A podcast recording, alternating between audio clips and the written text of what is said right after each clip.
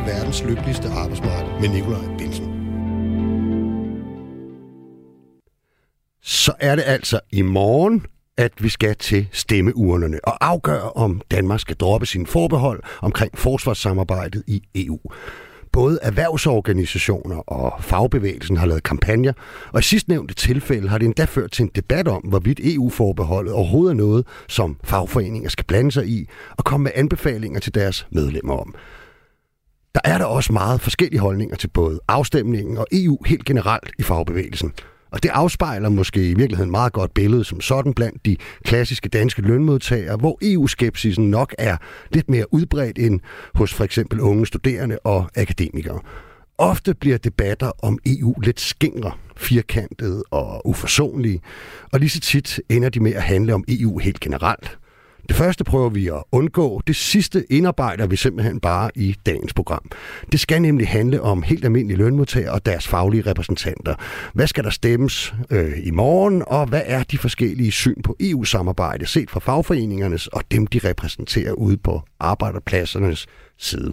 Jeg er til daglig offentlig ansat scenetekniker og fællestillidsmand, og har nogle gange svært ved at følge med i EU-debatter.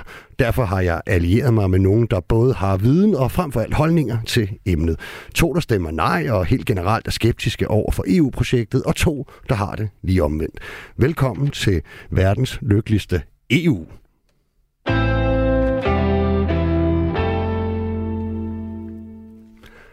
John Jacobsen, velkommen til programmet. Tak skal du have. Vil du ikke øh, præsentere dig selv? Jo, jeg hedder John Ikebjerg Jacobsen, og øh, jeg er formand for 3F København. Ja. Hvordan bliver man det? Man har vel lavet noget inden, tænker jeg. Man, øh... man øh, har været ude på arbejdsmarkedet i en overrække for mit vedkommende øh, som stilladsarbejder i mere end 30 år. Ja. Så og nu er du så ind som formand. Det er en af de større afdelinger i 3F, ikke? Det er det. Vi ja. har to store afdelinger. 3F i Aalborg med 15.000 medlemmer, og 3F København med 14.000 medlemmer. Okay. Jeg skal øvrigt huske at sige, at dagens program er optaget på forhånd, så man kan derfor hverken ringe eller sms'e herind. Til gengæld, så har vi også besøg af dig, Johan Mosgaard. Velkommen til. Tusind tak. Øh, ligeledes en ansat og repræsentant fra fagbevægelsen. Øh, hvor er det, du slår din folder hen? Jamen, jeg er EU-chef inde i fagforeningen Dansk Metal, øh, som repræsenterer smede, industriteknikere, svejser og alle dem, der går rundt ude på virksomhederne ude i Produktionsdanmark.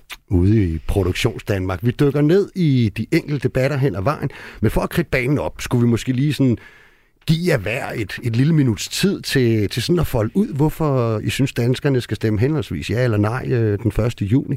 Vil, vil du lægge ud, Johan? Det vil jeg meget gerne. Øh, det er jo en væsentlig afstemning, vi skal til omkring det danske forsvarsforbehold. I Dansk Metal, der øh, engagerer vi os jo altid i de her afstemninger rigtig meget, og vi synes, det er rigtig vigtigt i den situation, som Europa står i, at kæmpe for sikkerhed og fællesskab, og vi tror på, at det at afskaffe forsvarsforbeholdet vil være godt, at Danmark får indflydelse på det europæiske samarbejde om forsvar og sikkerhed.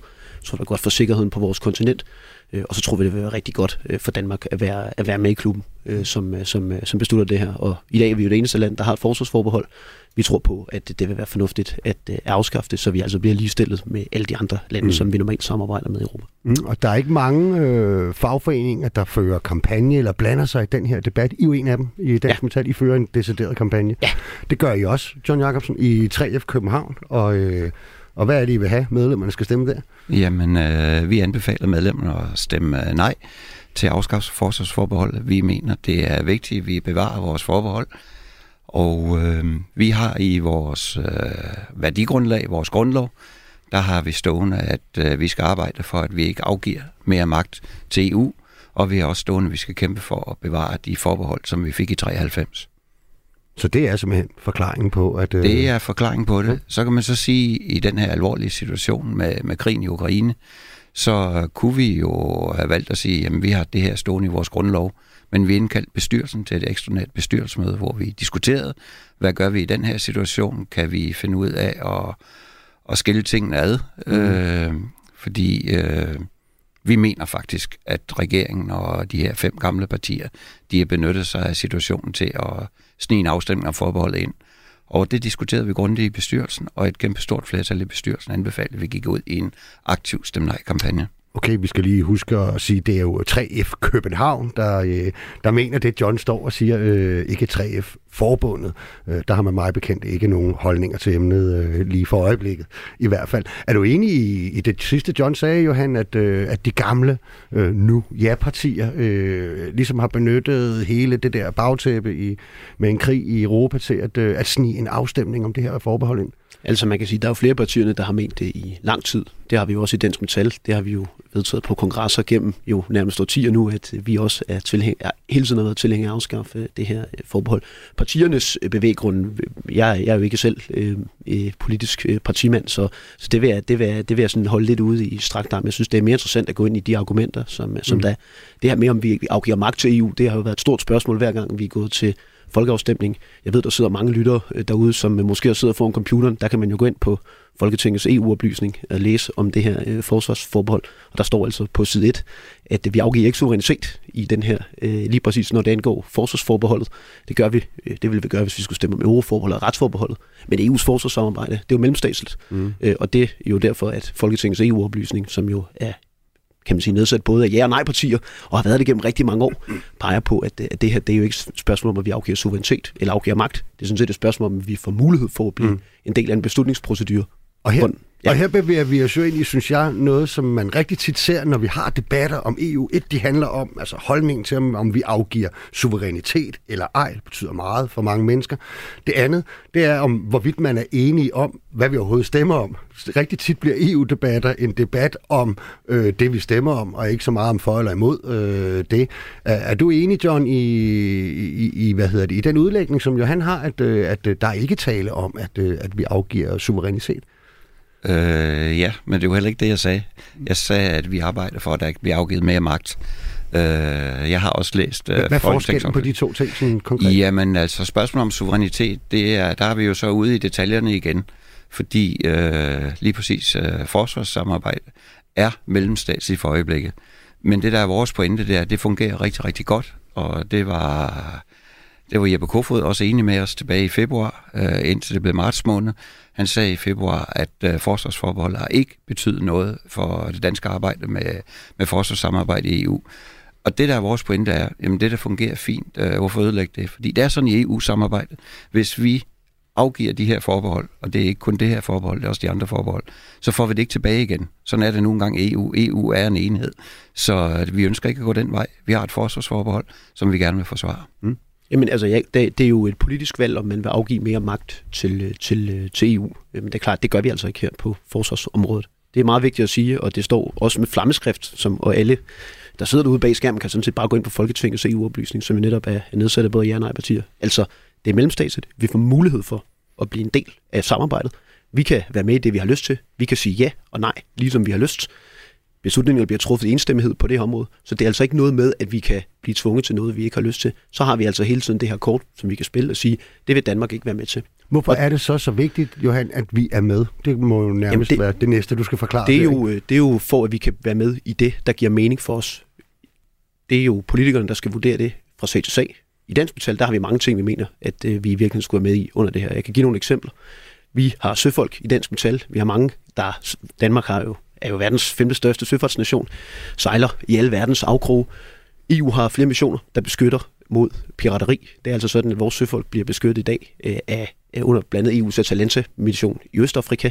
Det synes vi giver rigtig god mening for Danmark at være med til. Vi vil også gerne have indflydelse på, hvordan vi beskytter vores egne borgere mod pirateri, mod øh, de trusler, der kan være ude på havet. Det kunne være et eksempel. Noget andet kunne være øh, cyberområdet, som også øh, giver rigtig, rigtig god mening.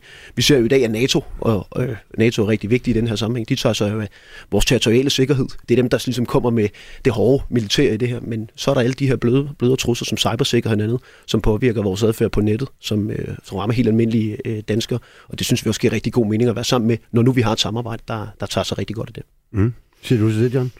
Jamen, det er jo det, vi gør i dag. Altså, der på den måde er Nikolajs spørgsmål yderst relevant. Øh, hvad er det, der kan ske, som der ikke sker i dag? Altså, vores bekymring går jo på, hvad der ligger i pipelinen fra EU. Og øh, nu har man lige, og så bliver det teknisk, øh, og det er jo blevet tvunget til her med, med de her debatter.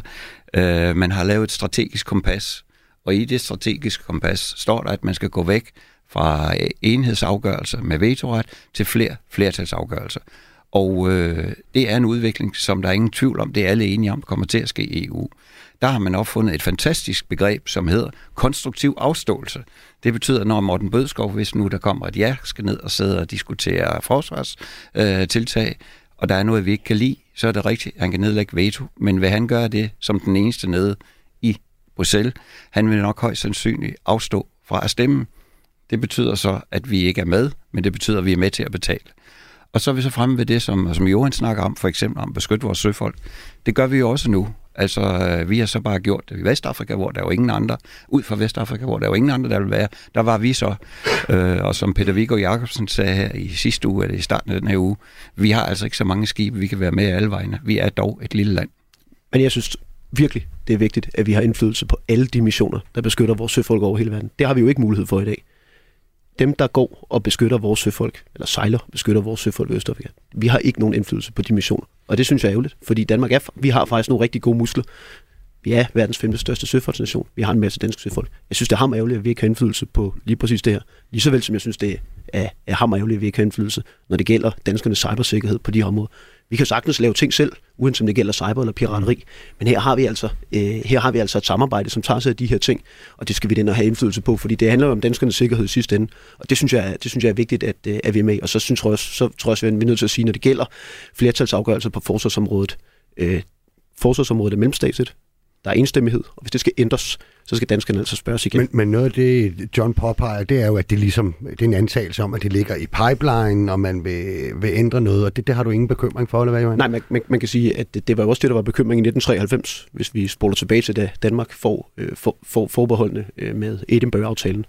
Der var der jo en bekymring for, hvor det her øh, ville udvikle sig i retning af, men man fandt ud af stille og roligt, og det er jo, der, det er jo også derfor, det har alle har været enige om, at vi ikke afgiver suverænitet og magt på det her, for alle har sådan set været enige om siden, jamen forsvarsområdet har været mellemstatsligt, og hvis det skal ændres, jamen så skal vi til at ændre traktaten, og så skal vi altså til folkeafstemning igen. Så der kan man altså roligt gå ned og stemme ja, øh, når man sidder ude bag øh, skærmen øh, på, på det her spørgsmål. Okay, men vi skal lige have, vi skal lige have lidt flere ind i debatten. Mette Skovhus, du er Larsen, Mette Skovs Larsen, ja. du er pædagog. Ja, det er jeg. Hvor er du arbejder henne? Jeg arbejder ude i Ballerup Kommune på en BFO, hedder det i Ballerup, for alt skal starte med B i okay. Ballerup Kommune. Så Ballerup fritidsordning, øhm, og så har jeg også øh, timer øh, normalt i, på en folkeskole i en klasse. Okay. Um, som skolepædagog. Man, man kan jo godt fornemme, når man øh, står og hører på sådan et par professionelle typer som øh, John og Johan, ikke? At, øh, at, at deres holdninger har de ikke lige fundet på i går. Vel, de har nok ment de der ting øh, et, et, et ret langt stykke tid. Ikke? Mm. Um, hvad med sådan en som dig? Har du haft den samme holdning til, til EU altid egentlig? Nej, Nej, det har jeg ikke. Øh, min holdning til EU har ændret sig gradvist gennem årene, øh, og egentlig er jeg øh, rimelig skeptisk over for EU på mange områder. Hvorfor? Øh, jamen, jeg synes, det er byråkratisk, og jeg synes, det er langt væk. Og jeg, det, jeg, vi kan godt tage sådan en diskussion om skæve agurker og venstre mm. sko i butikkerne, og må vi øh, spise lakridspiber eller ej. Øh, men, men det ved jeg godt er ukonstruktivt, men, men sådan får jeg præsenteret EU, og det har jeg gjort meget længe. Øh, og, og det kan jeg ikke forholde mig til. Mm. Øh, og derfor så synes jeg bare, at det spilder penge. Øh, og, øh, øh, og så ved jeg godt, det er mere nuanceret end det. Øh, men jeg synes, det er for byråkratisk, og jeg synes, det er for stort, og det er for langt væk. Mm. Øh, når det så er sagt, så synes jeg lige præcis forsvarsområdet, for mig at se, er meningsfyldt. Vi samarbejder om. Så jeg siger, væk med forsvarsforbeholdet, og så er der måske nogle andre ting, vi skulle være mere kritiske over for, at EU blander mm. sig i. Øh, så, så jeg er endt med at, at kommer til at stemme ja i morgen. Mm. Hvorfor, øh, hvorfor egentlig? Ja, men jeg tror, som rigtig mange andre, så blev jeg selvfølgelig ramt af det, der skete nede i, øh, i Ukraine. Men det startede faktisk før det, øh, og det startede med, at jeg har, øh, har øh, sådan nørdet hobby i amerikansk politik. Og jeg har fulgt rigtig meget med de sidste fire år, og jeg synes, nogle af de ting, vi har set med Trump i USA, noget af den polarisering, der sker i USA lige nu, gør det et mere ustabilt land. Øh, og derfor så har jeg ikke, som så mange andre, mega meget tiltro til, at NATO er en fuldstændig stabil øh, øh, del af verdensmagten det sidste stykke tid. Det tror jeg, vi i EU skal sørge for, at NATO bliver ved med at være. Og jeg tror på demokrati, og jeg tror på ytringsfrihed, og jeg tror på frihedsrettigheder helt ind i mit hjerte og mit ben, og jeg vil kæmpe for det. Øh, og det tror jeg er et godt Danmark med de klare holdninger, vi har på det her mm. område, går ind i forsvarsområdet øh, i EU og tager noget mere ansvar og får noget mere indflydelse. Det er vores stærke tone i det store verdenskor, lyder det en gammel det Oscar bliver... Hansen-sang, og det var næsten ja. det, du ramsede op ja. faktisk, ikke? Frihed, ytringsfrihed og Velfærd. demokrati. Ja, velfærd smider vi oveni. Demokrati. Ja. ja. Bruno Gysi, også velkommen til dig. Tak skal du have. Du er du er chauffør, du har både kørt busser og været handicapchauffør, og derudover så er du også blevet organizer, så du kommer jo sådan rundt på en masse arbejdspladser, hvor der er andre chauffører. Ja, ja det gør jeg. Ja, og øh, nu er vi jo i gang i princippet med sådan ja. en øh, afstemning og debat og det ene og det andet. Altså, jeg har nu ikke lige altid, når jeg tænder fjernsynet eller været på mit eget arbejde, sådan, øh, kunne mærke, at, at det egentlig er der, vi er i forhold til, hvor, hvor voldsomt det kan gå for os normalt, når der er sådan nogle EU-afstemninger. Øh, er det noget, der bliver snakket om øh, ude blandt chaufførerne, når du er ude og møde dem? Nej, det er det faktisk ikke. Det er det ikke? Altså, det er til dagen og vejen, der skal okay. hentes hjem og sådan noget. Og forsvarsforbeholdet, det er nok... Slet ikke, eller. Altså, det område, jeg bevæger mig i, det er jo turistbuschauffører, det er flexchauffører, det er taxichauffører, og de snakker jo altså altid, havde jeg indtryk af, ja, men det, og det, det, noget om hvad som helst. Øh. De er rigtig gode til en masse gode øh, historier om, hvor mange penge de har tjent. Okay. men så, men så, du, du har jo selv en holdning i hvert fald, og det er jo ja, sådan derfor, du er her. Hvad, øh, hvad kommer du til at stemme den første Jeg kommer til at stemme nej, ja. som jeg gjorde forrige gang, og forrige gang også. Ja, hvorfor? Jamen, jeg synes, vi har en udmærket for, forening, som vi støtter i, som øh, blev dannet før, at øh, jeg blev født. Og den er vi stadigvæk medlem af. Det er det, der hedder NATO. Og jeg synes ikke rigtigt, at vi skal give flere penge til militæret, mm. når vi har rigtig, rigtig mange herhjemme, som er, er godt kunne bruge nogle penge til det også. Altså, jeg, her tænker jeg på de handicappede, jeg mm. tænker på de ældre.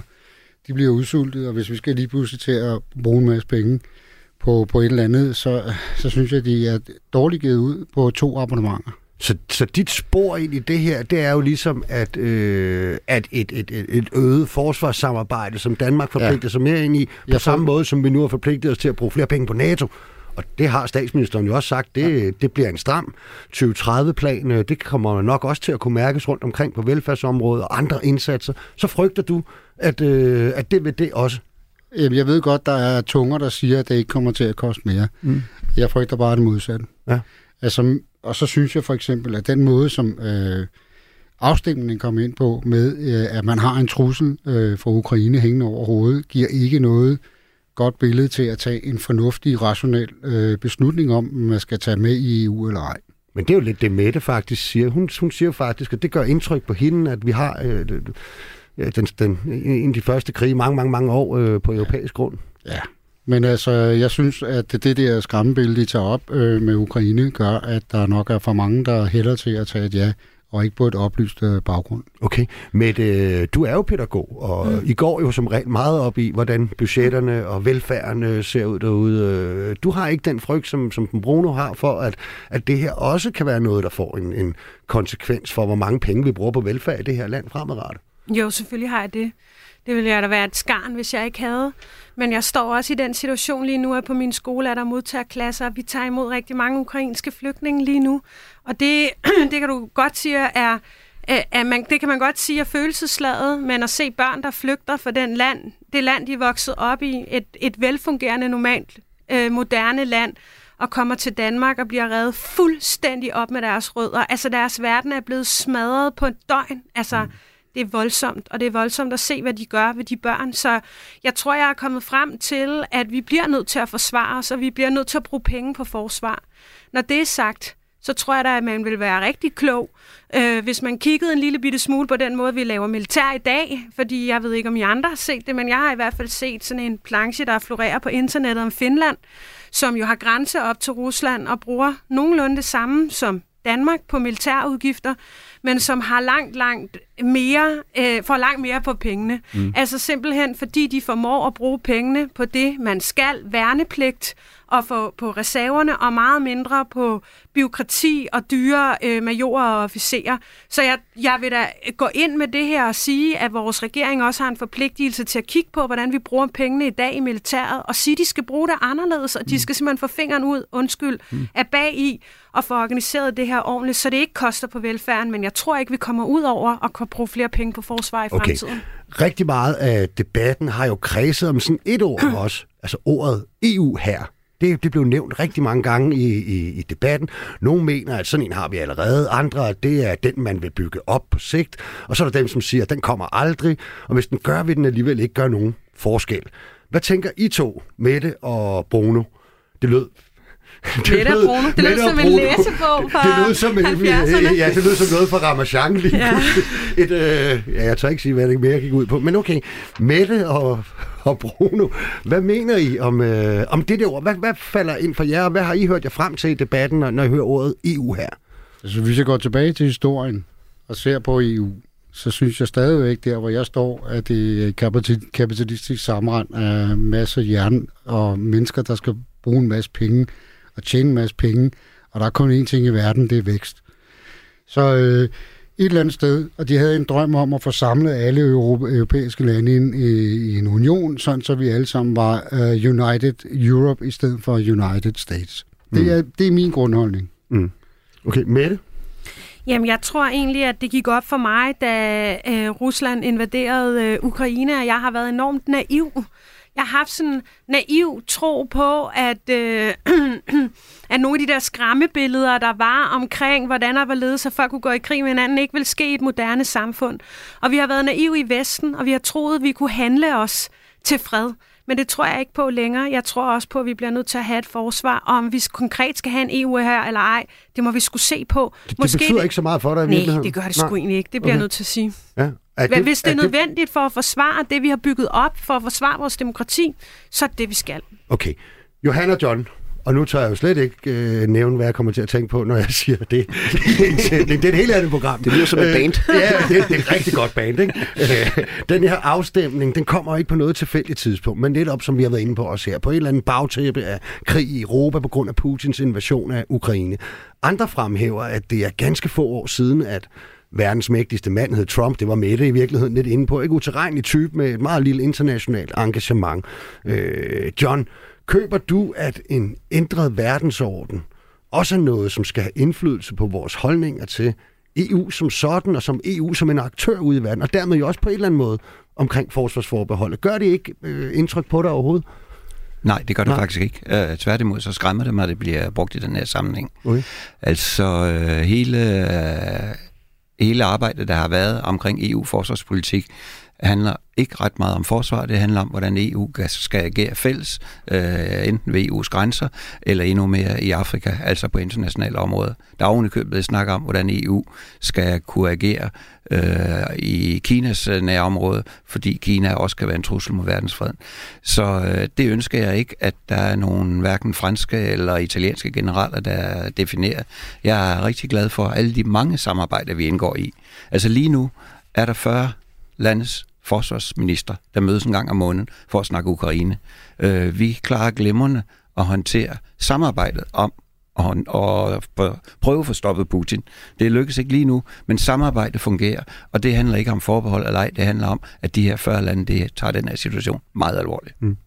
Jamen altså, du- spørger til, øh, om det har en betydning i forhold til Donald Trump. Øh, og der vil jeg bare sige, jamen øh, naturligvis. Altså, det har jeg sådan set sagt øh, også lang tid før sidste folketingsvalg. Altså, at det, det er klart, at det må være et wake-up call. Øh, at det er i sidste ende det rigtig gode fællesskab, vi har i NATO. Øh, det må vi sige, vi ved ikke, hvad for en retning amerikanerne vil i, andet end at de vil fokusere på Kina i fremtiden. Og der er altså vores opgave i Europa at tage, tage udgangspunkt i vores egen sikkerhed. Vi kan jo bare se det i forhold til Ukraine nu. Øh, Mette, synes jeg, siger øh, rigtig godt, hvad det er, der foregår øh, derovre. Øh, hvad det er, man flygter fra. Det er børn, der flygter. Øh, når de kommer tilbage igen, jamen, så ligger der miner i deres børneværelser. Øh, og de, de ligger ude i kornmarkerne. Der skal simpelthen ryddes op. Og der må vi spørge, hvem er det, der kommer til at tage sig af det? Det bliver ikke USA eller NATO. Det er, det er jo hård militær. Det bliver heller ikke FN, fordi Rusland kommer til at nedlægge veto i FN's Sikkerhedsråd. Så kommer der en EU-mission derovre, og der er det klart, den skal nok komme uanset hvad. Jeg synes, at vi som danskere har en forpligtelse til at være en del af det, i stedet for at være den fedtspiller, øh, der siger, at det, må øh, alle de andre ligesom tage sig. Det synes jeg også, vi har et øh, ansvar for. Det er vores nærområde.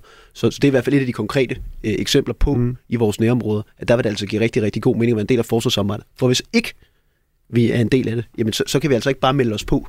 Det kræver altså et opgør med forsvarsforbeholdet, for at vi kan deltage i sådan nogle missioner. Okay, det var Johan Mosgaard fra Dansk Metal, der talte. John Jacobsen fra 3F, København, ja, du markerer? Øh, jeg har tidligere hørt det der begreb om, at Danmark skulle være en, et fedt spiller øh, i forhold til, hvad der foregår ude i verden. Jeg synes, vi er lige det modsatte. Altså, når der er minerydning, øh, skibstrafik ud fra Vestafrika osv., det har jeg nævnt tidligere, så er det Danmark, der træder i karakter. Men jeg vil sige, jeg kan ikke afgøre, hvad der er rigtigt og forkert i forhold til NATO og et EU-samarbejde. Men interessant er det, at Finland og Sverige i den her situation har brug for at komme ind i NATO, selv om de er medlem af EU. Så jeg synes, at vi, vi skal putte nogle lidt bredere perspektiver på, og ikke opstille nogle skræmmebilleder. Men der er der ikke nogen tvivl om, at altså, jeg er helt enig, Finland og Sverige, det vil være rigtig godt at få med i NATO, men, men de er jo altså også med i EU's forsvarssamarbejde. Jeg har ikke hørt noget land, nu kommer jeg lige fra Stockholm i dag, øh, faktisk for lige hen til program, så jeg har ikke hørt nogen svinder, eller svensker og finder, sige, at de lige pludselig skal få et forsvarsforbehold. Selv Norge øh, har jo faktisk valgt at deltage i EU's forsvarssamarbejde, selvom de ikke er med i EU.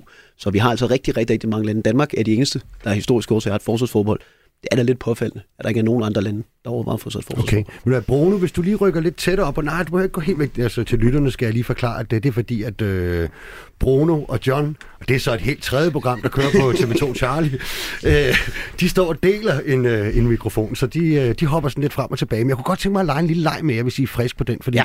noget af det, jeg også synes, når der er altid de her e-debatter, så er der altid sådan 3-4-5 øh, påstanden, man er enormt uenig i. Ikke? Og vi snakker jo altså, skræmmekampagner er jo altid en, en, en virkelig væsentlig del af EU-debatter. Det er det bare på en eller anden måde. Jeg skulle godt tænke mig sådan, hvis jeg nu sagde øh, nogle påstande, og så, øh, så må I gerne bare sådan sige ja eller nej, sådan frit for hoften. Alle fire bare øh, mm. lidt ud i det blå. Ikke? Er I klar? Hvis vi stemmer nej, vil det koste danske arbejdspladser. Nej. Nej. Måske. Måske. Okay, tre nejer, og Johan Mosgaard alligevel med en, en måske. Hvorfor egentlig? Det er klart, at vi har jo en mulighed, som jeg sætter ved at stemme ja, for at uh, gøre det bedre for nogle af de virksomheder, vi har. Der har været konkrete eksempler. Brug Newtech, så jeg lige havde været i DR og sige, at det kostede dem i dag ordre. Øh, så det er klart, at vi kan ikke kvantificere, hvor mange arbejdspladser der er tale om. Vi kan allerede i dag deltage i EU's forsvarsfond, men det er klart, det at vi ikke har nogen indflydelse på retningen på det de vigtigste områder i EU, det er klart, det har selvfølgelig en betydning for danske virksomheder, og i sidste ende, så kan det også ende med at koste arbejdspladser, men vi kan altså ikke sige, hvor mange. Vi endte med tre nej og en måske. Øhm, hvis vi stemmer ja, kan Danmark ikke selv bestemme, hvilke militære operationer vi vil deltage i? Nej. Og det var sådan et spørgsmål. Eller der. Var det et trick question, eller ja. skal jeg sige? Ja, øh, måske skal jeg efterfølgende sige, hvis vi stemmer ja, kan Danmark ikke selv bestemme, hvilke militære operationer vi vil deltage i. Så skal man svare det er jo, forkert. jo eller nej. Det, det, jo, det, det kan vi godt. Det er forkert. Ja. Det er forkert. Ja, vi kan hele tiden selv bestemme, hvad vi vil deltage i. Og hvis man er i tvivl derude bag skærmen, så skal man altså gå ind på den rigtig gode hjemmeside, som ja og nej siden har lavet sammen. Men det er ikke ja. sikkert, hvad vi kommer til at betale til, selvom vi ikke nej, deltager. Nej. nej, men det var et andet spørgsmål. Ja, ja så var ja. vi enige. Ja, ja, ja, skal, men, faktisk må, enige. Men, ja. men skal, må, må jeg så høre, altså er I enige i, at Danmark kan frit selv vælge? Altså taler Folketingets EU-oplysning sandt her? Ja, selvfølgelig gør det det. Det håber jeg, at de gør. Ja, det, det var Jacobsen siger, det håber jeg, det, de gør i hvert fald. Vi prøver lige den sidste vinder. Er I klar? Hvis vi siger nej til EU-forbeholdet, vil det få konsekvenser for vores generelle indflydelse i EU? Nej. nej. Ja. Det ved jeg ikke. Mette siger, det ved jeg ikke. Øh, Bruno og John siger, I sagde hvad? Nej. Nej? Der er jo, det, vil, det der er mener sådan, du, Johan? Jamen, der, der er sådan set, det, det, er jo, det er jo en lidt større udvikling, der har været i gang. Vi, det er rigtig ærgerligt for Danmark, at britterne trådte ud. Det må vi sådan set enige med i mange sammenhæng, men det er klart, dem, der har kigget på det, Joseph Jannings studier og andre øh, af, af Danmarks position, så er det klart, der, der, de siger jo meget klart, forbeholdene koster generelt Danmark indflydelse, det er vi ikke er med i samarbejde. Så det er, jo, det er jo de dygtigste folk, der sidder på det, så det, det må jeg jo, det må mm. jeg jo tro på, øh, når, når de siger det. Ja. Du, du, du er den type, jeg siger med det, som... Øh forklarede du, altså, jeg synes, jeg godt kan se en masse ting, du synes er døde irriterende ved, ved mm. EU-konstruktionen, og fjern mm. væk, og demokratisk underskud, og byråkrater, og, og noget af det, de også gør tit jo, må man erkende, det er jo, at de, de står også bag en del skræmmekampagner om, mm. hvordan øh, verden ser ud, øh, hvis ikke man øh, gør det ene og det andet. Øh, øh, hvordan har du det med det, nu når du er blevet sådan en, der siger ja? Lader du så så påvirke af, af for eksempel det, Johan lige står og siger her? Nej, det tror jeg faktisk ikke, jeg gør. Øh, jeg synes, øh, jeg synes, problemet med EU øh, også tit kan være, nu har jeg jo også været aktiv i BUPL, som er pædagogernes fagforening, og jeg synes, en af de ting, der er udfordringen ved EU, er jo, at der bliver vedtaget mega mange ting, som der aldrig nogensinde bliver fuldt op på øh, i medlemslandene bagefter. Mm. Og det, får, det efterlader jo sådan en følelse hos mig af spild af tid og spild af penge. Altså det er jeg sådan set enig i et ret langt stykke hen ad vejen. Så det der med, hvor meget indflydelse vi har i EU eller ej, det rører mig måske ikke lige så meget, fordi at en gang imellem så tænker jeg, okay, hvad er det overhovedet, vi laver dernede? Øh, og, og det kan godt være, at det er en vanvittig holdning at sige, og det påvirker rigtig meget dansk politik, og jeg har hørt hele sangen tusind gange. Men ej, hvor har jeg set mange ting blive vedtaget i EU, som aldrig nogensinde bliver rullet ud på arbejdspladserne, simpelthen fordi, øh, at EU ikke har øh, vægt nogen mm. steder øh, på rigtig mange af de beslutninger, de tager. Okay, Bruno Gysi, altså du gik jo ind til den her debat, øh, du ankom til studiet relativt stålsat, øh, ja. nej siger. Har der været sagt noget overhovedet i debatten, som gør indtryk på dig indtil videre? Nej. Nej, okay, det var et meget klart svar i virkeligheden. nej, siger Bruno, og han bliver ved med at stemme nej. Men jeg synes altså, at I efterhånden har været øh, rigtig god i den her debat, og vi har efterhånden også været omkring øh, Danmarks forsvarsforbehold. Øhm, det er jo som bekendt lige om lidt, vi skal stemme, og derfor har vi i dagens program valgt at sætte fokus på afstemningen EU generelt, og ikke mindst om det er et tema, der skal drøftes ude på arbejdspladserne, og hvorvidt det overhovedet er noget, som fagbevægelsen skal føre kampagner om og blande sig i. De sidste emner dykker vi ned i lige om lidt, og det er fortsat i, med et utroligt godt selskab, vil jeg altså have lov til at sige, i form af EU-chef fra Dansk Metal, Johan Mosgaard, fagforeningsformand i 3F København, John Jacobsen, samt pædagogen Mette Skovhus Larsen og chaufføren og organiseren Bruno Gisi. Vi er optaget på forhånd, så man kan desværre hverken ringe eller skrive ind til programmet, men øh, blev endelig hængende lidt endnu alligevel. Lytter til verdens lykkeligste arbejdsmarked med Nikolaj Bensen. Nu har jeg tænkt, at vi skal tale lidt om det her med de fagforeninger, som fører kampagner, ja eller nej, og så videre. Øh, og jeg er faktisk heldig, at jeg har repræsentanter for nogle af de få, der faktisk gør det, fordi sandheden er jo, at langt de fleste faktisk ikke mener så meget om det her. Det kan godt være, at de gør det bag de lukkede døre, men de har i hvert fald valgt ikke at føre kampagne rundt omkring. Johan Moskov, I har altså valgt og, og føre kampagne, altså med, med helt åben øh, pande, om man så må sige, over i Dansk Metal. Øhm, hvad tror du, at medlemmerne tænker om det? Jamen det er klart, vi, det er jo noget, som vi har diskuteret på mange kongresser, øh, sådan gennem, kan man sige, flere årtier nu, øh, i nullerne, i 10'erne og i 20'erne, så er det her jo et spørgsmål.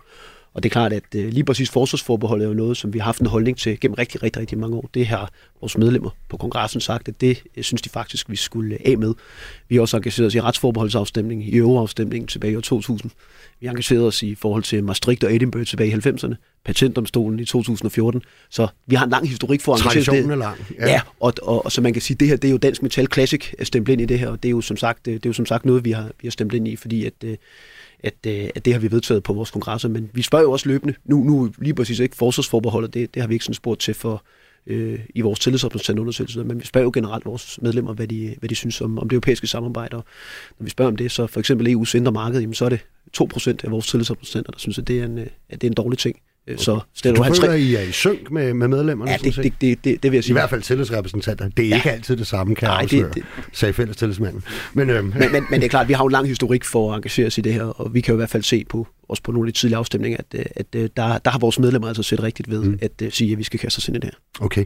John Jacobsen i 3F København, der har man også ført kampagne. Øhm, det har så været en nej-kampagne, har vi jo hørt her i løbet af programmet. Og du var lidt inde på det i starten, men prøv lige at genopfriske. Øh, hvorfor har 3F København overhovedet øh, følt sig kaldet til at øh, gå på gader og stræder med det budskab? Jamen, øh, vi har jo lige så lang historik, som øh, Metal har, men øh, vores historik er en konstruktiv, kritisk tilgang til, til EU og det har vi haft i, i lige så mange år, som Metal har haft en, en EU-positiv øh, tilgang. Og øh, det er vi stolte af. Det bliver diskuteret på generalforsamlinger, og det står som sagt i vores værdigrundlag. Så, så det arbejder vi med, og det vil vi fortsat arbejde med. Vi mener så mange beslutninger, især for vores medlemmer og lønmodtagerne, at øh, det skal tages i, mm. i Danmark så vidt det er muligt. Okay, hvad hedder det? Hvorfor er det egentlig sådan, at uh, langt de fleste 3F-afdelinger, der er jo mange af dem rundt omkring i landet, de fører jo ikke kampagne om det her. Og hvorfor ligger uh, øh, 3F København uh, anderledes end, end forbundet, som har valgt ikke at gå ud og anbefale noget? Altså, det tror jeg gør, fordi vi har taget en grundig diskussion om det. Altså, vores tilgang, da det blev annonceret da 6. marts, øh, det var, at det er to helt forskellige ting. Spørgsmål om krig i Europa, mm. øh, spørgsmål om krigen i Ukraine, øh, spørgsmål om, hvordan vi håndterer Putin, som jo var en del af den pakke, der præsenterede den søndag formiddag, at man så putter en, en afstemning om forbeholdet ind. Og øh, derfor tænker vi, det er vi nødt til at gå aktivt ind i. Men skal vi gå aktivt ind i det, den her situation, så er vi også nødt til at tage en grundig diskussion. Det er der faktisk en række 3F-afdelinger, der har gjort sidenhen. I, øh, også i København, i Aarhus, i Esbjerg, og jeg kan ikke huske stedet, Nordvestjylland og i Aalborg. Mm. Øh, fordi man skal have tid til at kunne diskutere, er det her et spørgsmål om krig, eller er det et spørgsmål om et forbehold i EU-samarbejdet. Mm, okay. Mette Skovhus Larsen, altså, øh, nu kan det være, at jeg lader alle mine fordomme øh, bræller ud ikke, her, men, øh, men normalt så tænker jeg, at pædagoger, de er sådan nogle, der, øh, lige så vel som de i Dansk Metal bare stemmer ja, så stemmer de nej, øh, pædagoger til sådan noget her, eller hvad? Det ved jeg sgu ikke. altså, øh, en af de meningsmålinger, øh, jeg har set for pædagoger, øh, så er øh, størstedelen af pædagogerne socialdemokrater øh, så er der en rigtig, Men der er også rigtig, mange øh, socialdemokrater, der er eu Ja, ja, så er der en rigtig stor gruppe, som er SF'er, mm. og en meget mindre gruppe end, end fordommene tror, der stemmer enhedslisten.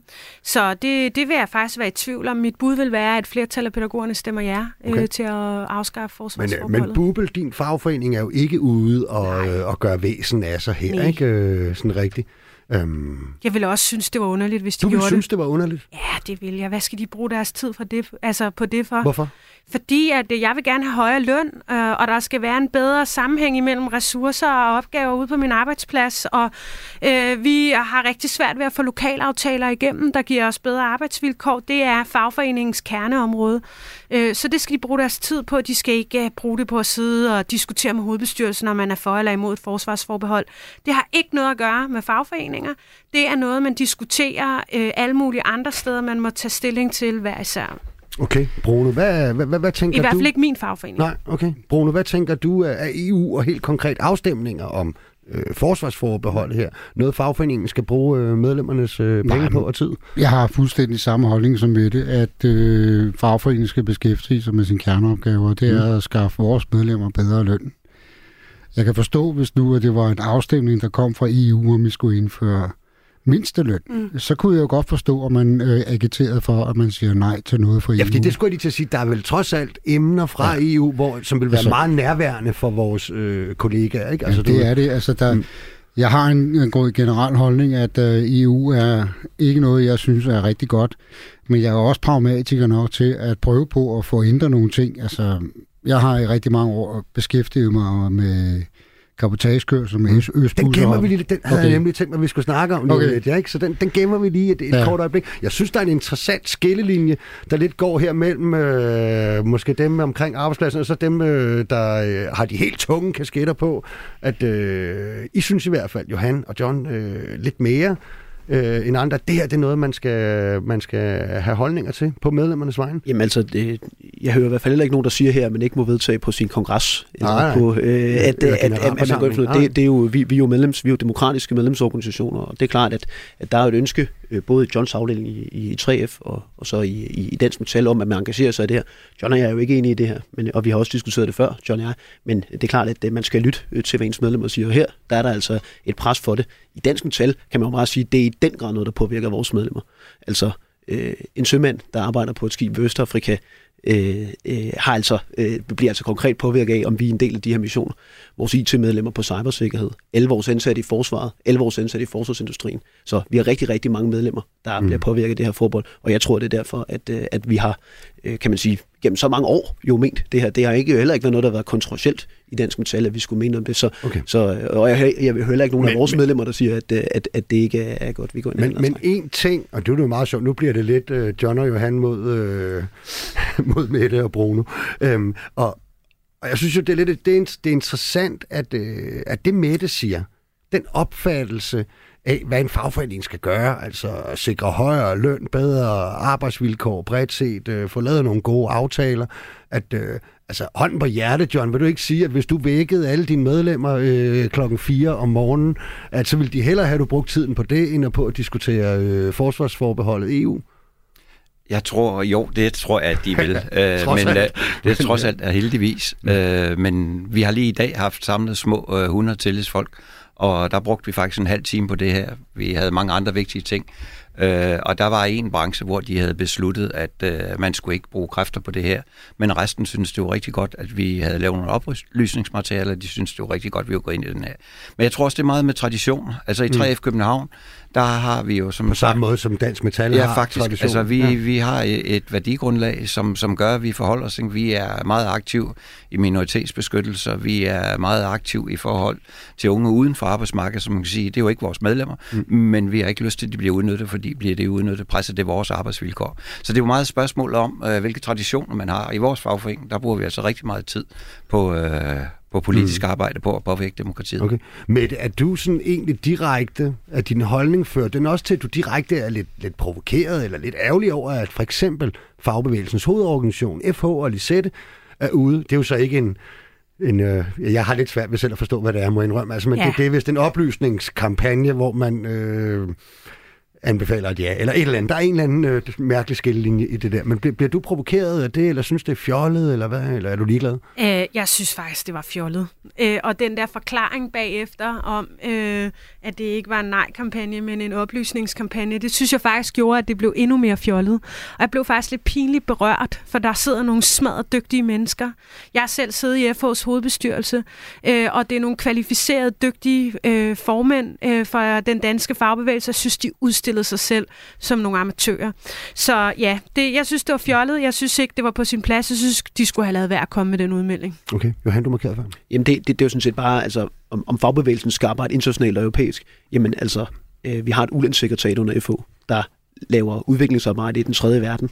Mm. Vi har masser af internationalt engagement Mm. i dansk fagbevægelse, og har sådan set Du haft det. kommer selv lige fra et møde i Stockholm, ikke? Ja, øh, og stort set alle har internationale afdelinger, øh, der samarbejder globalt om alle mulige ting, der ikke lige handler om noget, der nødvendigvis er konkret ude på den danske arbejdsplads. Mm. Jeg synes, det arbejde, det, det, det, det er rigtig godt og vigtigt. Vi kan altid tage en diskussion om, hvor meget fagbevægelsen skal være aktiv. Og det er slet ikke sikkert, at alle forbund skal være aktive i den her debat, men, men, øh, men jeg tror, at det, det, det er det, at fagbevægelsen er aktiv i sådan nogle her spørgsmål, det, det, når det kommer efter en grundig demokratisk debat, øh, det kan jeg ikke se noget. Mm. som Mette, kort.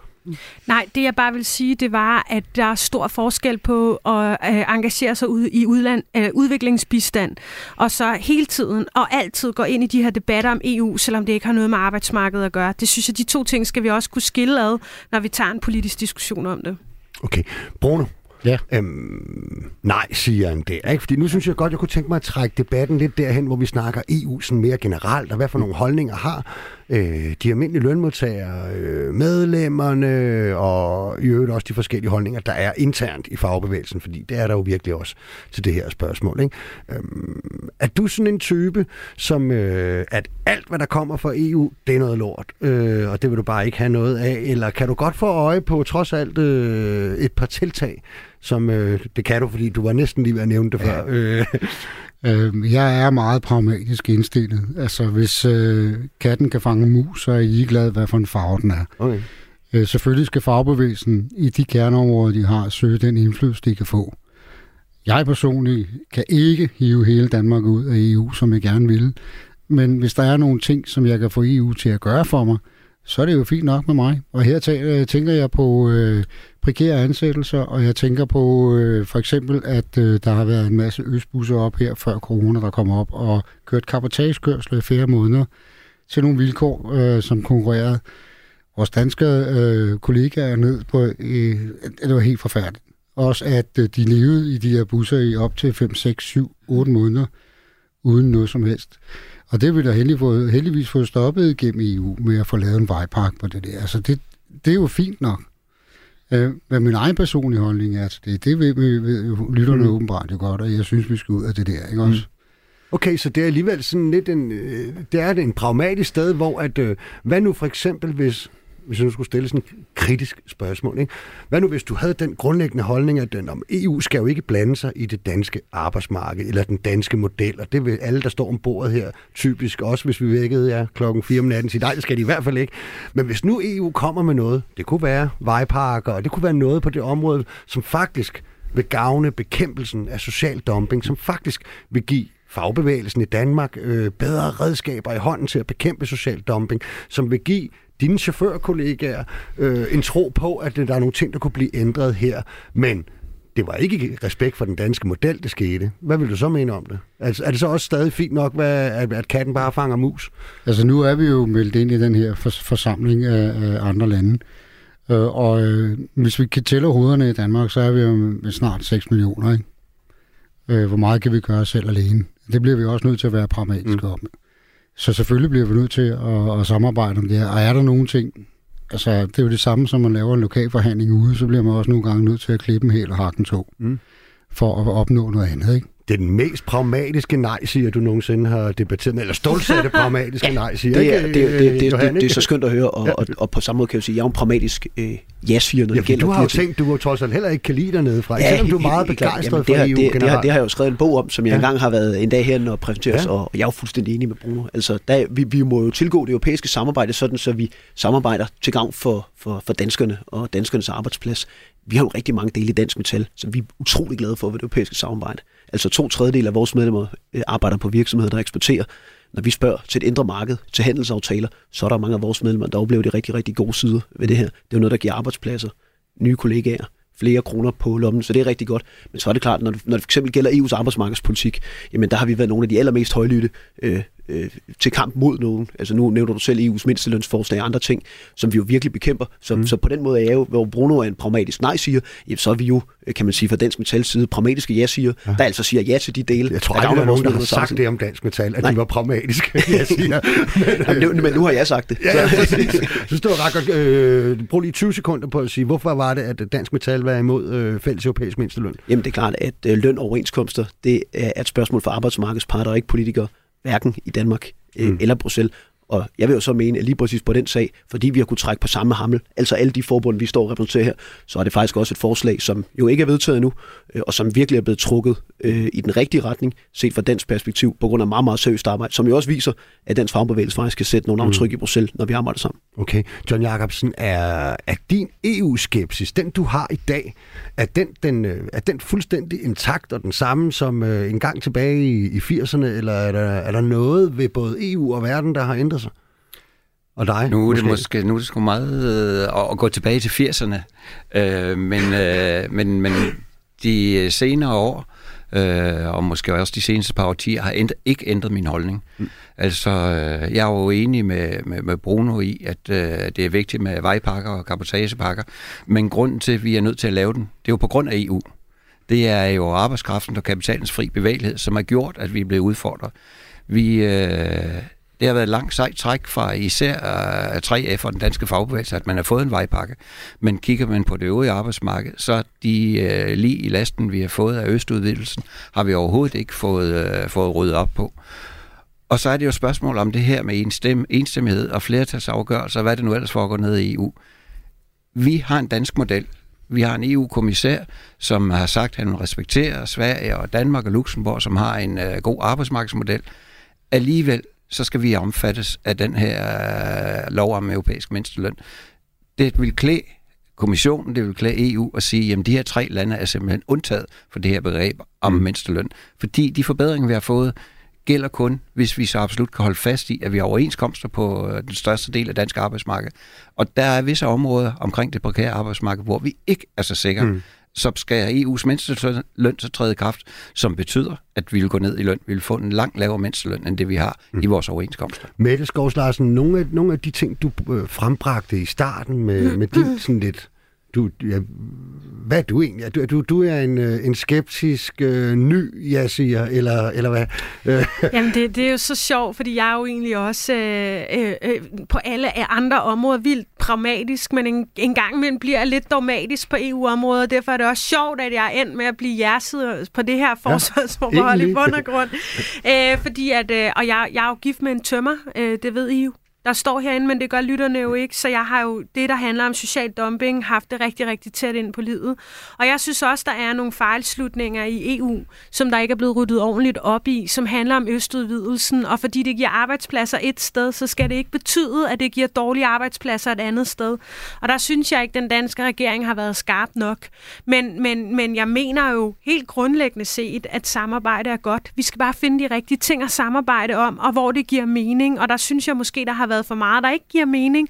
Og vi skal til at fokusere på der, hvor det giver rigtig god mening mm. at, at, at gøre det. Og en ting, som øh, I ikke nævner, men som jeg godt tør at nævne, det er jo barsel. Mm. Øh, hvor der er sket ja. en, øh, en kæmpe, øh, et kæmpe ryg set fra et kvindes perspektiv i, øh, hvordan ligestillingen øh, er. Øh, og jeg er ikke 100 procent øh, for, at det er den rigtige måde at have gjort det på, men jeg ved godt, at hvis der skal laves flere skridt på ligestillingen i Danmark, så er det barsel, der skal kigges det, på. Det er vel rigtigt, John og Bruno, nu kigger jeg mest på jer, så skal I selv afgøre, hvem er der vil svare, at, at, øh, at på nogle spørgsmål kan EU vel godt være den progressive drivkraft. Det kan, og det har vi set på for eksempel ligestillingsområdet, hvor, lad os være ærlige, øh, Danmark var jo faktisk fodslæbende øh, på det der spørgsmål. Fagbevægelsen var fodslæbende på det der spørgsmål, før at der faktisk kom et eller andet pres fra EU. Kunne man ikke også forestille sig måske, at på miljø- og klimaområdet, der har vi i hvert fald behov for nogle internationale, øh, meget forpligtende samarbejder, hvis vi skal klare den grønne omstilling og, og klimakrisen, at på et tidspunkt kunne der jo godt med en anden regering for eksempel, øh, kunne vi jo godt stå i en situation, hvor det var EU, der var den øh, progressive øh, kraft. Det er jo nogle af de vigtige spørgsmål i den her verden nu. Det gør ikke indtryk på jer? Øh, nej, jeg synes, at øh, ja, du havde forventet, at der kom noget andet. Øh, jeg synes stadigvæk, at nogle af de proces, øh, altså den måde, de, de, de får tingene ind og skal stemme omkring det, det er alt for nølende, ikke også? Hvis vi skulle have gjort noget med det der miljø, så skulle vi have gjort det for mange år siden, ikke også?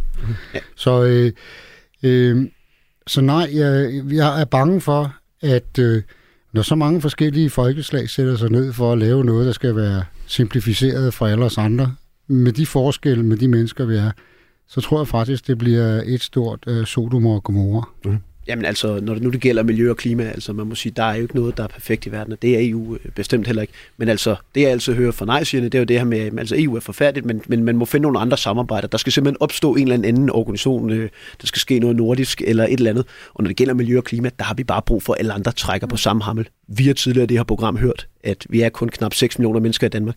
Hvis vi skal have nogen chance for at få resten af Europa og på sigt verden til at løfte med, så skal det ske i EU. Det bliver jo ikke i FN, at man får øh, de allermest forpligtende mål. Det bliver jo ikke NATO eller OECD eller alt muligt andet. Altså, det er jo EU, vi kan rykke på de nære mm. marker og gøre det med den klimapakke, der lige er kommet fra Europakommissionen, Fit for 55, der virkelig trækker Europa i en grønnere retning. Der savner jeg altså svar fra kritikerne på, øh, skal, det være, skal vi kaste noget tryllestøv ud over alle de andre lande, øh, eller skal vi finde et andet samarbejde? Altså hvis vi ikke skal gøre det gennem EU, hvor er det så? Er du også en af dem, John, som henviser til, at øh, det, vi har ikke noget mod internationalt forpligtende samarbejde, men, øh, men øh, der skal være noget bedre end, end det EU laver? Det er jo nok, øh, mm. men det er jo blandt andet på baggrund af, at de beslutninger, der bliver taget i EU, det er øh, rigtig mange af dem er hensigtserklæringer, rigtig mange af dem er overordnet, og rigtig mange af dem er nogle beslutninger, der bliver taget først i Bruxelles, og så bliver det implementeret i parlamenterne. Desværre er der rigtig mange EU-lande, der ikke har den samme måde at gennemføre tingene på, som vi gør i Danmark, hvilket betyder, at ja, der bliver taget beslutninger, det er jeg fuldstændig enig i, som peger fremad, men dem, der så opfylder den, det er Danmark, Sverige, det er nogle af de nordeuropæiske lande, mm. hvor det flytter sig meget, meget langsomt i EU. Så det rigtig meget af det er tomt signalværdi. Okay. I det her er der også en, en debat med det, hvor man ligesom siger, hvem skal redde danske lønmodtagere, danske kvindelige lønmodtagere? Øh, er, det, nå, er, det, øh, er det Mette Frederiksen, er det EU, eller er det øh, eller var det også selv, der skulle gå ud og, og slås for nogle ting? Ja. Øh, hvad? Det, det, det er jeg helt enig med dig i. Jeg tror ikke, at EU skal redde en masse for os. Øh, øh, og det tror jeg er vigtigt at holde fast i, fordi så kommer byråkratiet, vi kommer ikke udenom det. Jeg tror, det aller, aller vigtigste, det er, at det er os, der kan sikre vores arbejdsmarked arbejdsmarked i Danmark. Så er jeg enig i, at klima og miljø, det skal EU gå ind i. Forsvar af vores ydre grænser, det skal EU gå ind i. Der er også en flygtningekrise, de kunne være lidt bedre til at håndtere. Der er nogle store ting, som vi bliver nødt til at samarbejde landene imellem, men det danske arbejdsmarked, det skulle vores eget ansvar. Okay. Det bliver jeg nødt til at sige. Okay, ved hvad venner, vi nærmer os så småt. Afslutning, tør I indgå et lille bitte vedmål øh, her til sidst? Hvad øh, tror du, der bliver stemt øh, i morgen? Bliver det et ja eller nej, Johan? Jeg tror, det kommer til at blive meget, meget tæt. Ja. Ja. Jeg, jeg, jeg hælder til at tro på et øh, ja, men man skal virkelig ikke øh, undervurdere øh, det her. Det, det bliver tæt, og, øh, og jeg tror, det bliver med meget, meget få procents forskel. Okay, Bruno? Jeg håber på, at der er rigtig mange af både røde og grønne og blå partier, der bliver rendt over ende og får en røvfuld en gang til, som de fik sidste gang. Okay, hvad, hvad tror du, det bliver med det? Jeg tror, det bliver et ja. Du tror, det bliver et ja? Ja. Hvad tror du, John? Jamen, øh, jeg er faktisk enig med Johan i, at det bliver utroligt tæt. Øh, jeg kunne også godt forestille mig, at det bliver et nej, men øh, hvad enten det bliver et ja eller nej, så bliver det utroligt tæt, og derfor er det utroligt vigtigt, at folk går ned og stemmer. Mhm. Uanset hvad, så har det i hvert fald været en spændende, og i øvrigt, synes jeg, meget sober debat. John Jacobsen, formand for 3 København, vi lige har hørt på. Johan Mosgaard, EU-chef i Dansk Metal. Bruno Giese, chauffør og organizer, samt ikke mindst pædagog og meget, meget andet har vi jo også hørt. Mette Skovhus Larsen, tusind tak, fordi I ville medvirke. Det øh, har altså været en, øh, en stor fornøjelse at debattere det her emne øh, med jer, uden at det gik øh, fuldstændig op i hat og briller. Jeg håber, I havde samme oplevelse. Tusind Tak. tak, og, Tak for det. Ja, det Og- og rigtig- debat. og rigtig god okay. valgdag, øh, uanset hvad stemmer. Ja, rigtig god valgdag til, Ja. ja. til, til, til lytterne i morgen, og hvis I har mod på mere arbejdsmarkedsradio, så er vi som altid tilbage igen i næste uge, samme tid og sted. Verdens lykkeligste arbejdsmarked er produceret af Rakkerpark Productions og for Radio 4, og det er tilrettelagt af Julie Lindhardt Højmark. Husk, I også altid velkommen til at sende tips og tricks til arbejdsnabelag radio4.dk.